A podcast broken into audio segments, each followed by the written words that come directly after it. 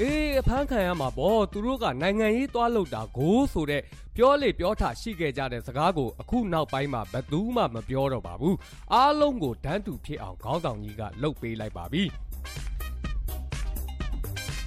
နိုင်ငံရေးစကားပြောတဲ့သူတွေနိုင်ငံရေးလှုပ်တဲ့သူတွေနိုင်ငံရေးသမားတွေနဲ့သတင်းစာဆရာတွေဆန္ဒပြသူတွေနဲ့ Facebook ဆယ်လီတွေကိုလိုက်ဖမ်းပြီးနောက်ပိုင်းမှာတော့တိုင်းပြည်ကိုအုပ်ချုပ်ဖို့ဘာမှလှုပ်တတ်ဆရာမလိုဘူး ဖမ်းတတ်ရင်ဘာမဆိုဖြစ်တယ်ဆိုတဲ့စစ်ကောင်စီဟာနောက်ထပ်ဘသူတွေကိုဖမ်းရမလဲဆိုတာကိုစဉ်းစားပါတော့တယ်နိုင်ငံရေးမလုပ်လဲဖင်ပေါ်တဲ့သူတွေကိုဖမ်းဟေးဆိုအဖော်ချွတ်အလှမယ်တွေကိုပါလိုက်ဖမ်းပါတော့တယ် ဖင်ပေါ်တာကပြစ်မှုကြီးတဲ့အမှုအနေနဲ့သတ်မှတ်ပြီးနောက်ပိုင်းမှာတော့မီးပြတ်တာကိုပြောတဲ့သူတွေကိုလိုက်ဖမ်းဟေးဆိုပြီးတော့မီးပြတ်တာပြောတဲ့သူတွေကိုလိုက်ဖမ်းပါတော့တယ်ဒီလိုနဲ့လူကြီးမိဘတွေဟာကိုကလေးတွေအဖမ်းမခံရအောင်ငယ်ငယ်ကလေးကနိုင်ငံရေးမလုပ်ဖို့အပြင်ဖင်ပေါ်အောင်မနေဖို့နဲ့မီးပြတ်တာကိုမပြောမိစေဖို့တုံသင်ရပါတော့တယ်အဲ့ဒီနောက်မှာတော့ဒေါ်လာရောင်းတဲ့သူတွေကိုဖမ်းဆိုဒေါ်လာသမားတွေကိုလိုက်ဖမ်းပါတော့တယ်ဒေါ်လာရောင်းတဲ့သူတွေသာမက ဒေါ်လာမရောင်းကျင်တဲ့သူတွေကိုပါဖမ်းတယ်လို့ရွှေရောင်းတဲ့သူတွေကိုပါလိုက်ဖမ်းပါတော့တယ်ဒါနဲ့လူကြီးမိဘတွေဟာသားသမီးတွေကြီးလာရင်နိုင်ငံရေးလည်းမလုပ်မိစေနဲ့ဒေါ်လာလည်းမရောင်းနဲ့ရွှေရောင်းတဲ့အလုပ်ကိုလည်းရှောင်းဆိုပြီးတော့သားသမီးတွေရဲ့အနာဂတ်အတွက်တွင်တင်ရပြန်ပါကောဗျာဒီလိုနဲ့နိုင်ငံရေးလုပ်တဲ့သူတွေဒေါ်လာတွေရွှေတွေရောက်တဲ့စီးပွားရေးသမားတွေအဖော်ကျွတ်မယ်တွေနဲ့မိပြက်တာပြောတဲ့သူတွေကိုဖမ်းပြီးလူဆိုးတခိုးနဲ့ရာဇဝတ်သားတွေကိုထောင်ကနေလွှတ်ပေးလိုက်တော့ လူကြီးမိဘတွေဟာကလေးတွေကိုကြီးလာရင်ခိုစားလူစားတာကအပြစ်မရှိဘူးသူများတွေဆိုရင်လမ်းဘေးမှာပလာတာလူစားရာကနေဘဝကိုစလိုက်တာအခုဆိုရင် passport ရုံးမှာတထေးကြီးတောင်ဖြစ်နေပြီဆိုပြီးတော့တင်ကြရမလားအခက်တွေ့နေတာပါဒီလိုနဲ့ဖမ်းရင်အလုပ်ဖြစ်တဲ့ထင်တဲ့ခေါင်းဆောင်ကြီးကလူတွေကိုဖမ်းဖို့ထပ်ပြီးတော့ကြံစီပြန်มาတော့တယ်အဲဈေးမတိုင်တဲ့သူတွေဖမ်းဆိုပြီးတော့အိမ်လယ်မှုနဲ့ဖမ်းခံရတဲ့သူကအဖမ်းခံရ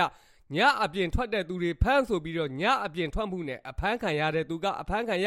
မှတ်ပုံတွေမရှိတဲ့သူတွေဖမ်းဆိုပြီးတော့မှတ်ပုံတွေမရှိမှုနဲ့အဖမ်းခံရတဲ့သူကအဖမ်းခံရဖြစ်နေတော့မှာပဲအားလုံးကိုဥပဒေရဖမ်းလို့ရတဲ့ကြေညာချက်ကြီးတစ်ခုပေါ်ထွက်လာပါတော့တယ်အသက်ဘလောက်ကနေဘလောက်ထိစစ်မှုထမ်းရမယ်ဆိုတဲ့ကြေညာချက်ကြီးပါမထမ်းရင်ဖမ်းပါလိမ့်မယ်ကြေညာချက်တောင်ကြေညာလို့မဆုံးသေးဘူးငါတို့အဘကဒါဖမ်းခိုင်းတာပဲဆိုပြီးတော့အဲစင်းမတိုင်ရင်ဖမ်းတဲ့ခစ်ကနေအဲစင်းတိုင်လဲဖမ်းတကောင်စင်းနဲ့နေတဲ့သူလဲဖမ်းခရီးသွားတဲ့သူကိုလဲဖမ်းမိဘကိုစိတ်မချလို့အိမ်ပြန်တဲ့သူတွေတွေ့ရင်လဲအိမ်ပြန်မှုနဲ့ဖမ်းမိဘကိုလှုပ်ကြွေးဖို့အလုတ်သွားလုပ်တဲ့သူတွေနဲ့တွေ့ရင်လဲအိမ်မှာမနေမှုနဲ့ဖမ်း စက်မှုစုံမှာအဆောင်နေရင်အလုတ်လုတ်ပြန်တော့လဲအဆောင်မှာလူငယ်တွေစုနေမှုနဲ့ဖမ်းရွာပဲပြန်တော့မယ်ဆိုပြီးတော့ထွက်လာပြန်တော့ရွာပြန်မှုနဲ့ပါဖမ်းစတဲ့တနိုင်ငံလုံးလူဖမ်းပွဲကြီးကျင်းပါပါတော့တယ်သူတို့ဖမ်းလို့မိရင်ပထမအဆင့်နေနဲ့ရက်ွက်ယုံမှာပြန်ဘေးငွေပေးချေရမှာဖြစ်ပြီးတော့ရက်ွက်ယုံမှာမရှင်းနိုင်ခဲ့ရင်တော့ရဲစခန်းမှာရှင်းရမှာပါ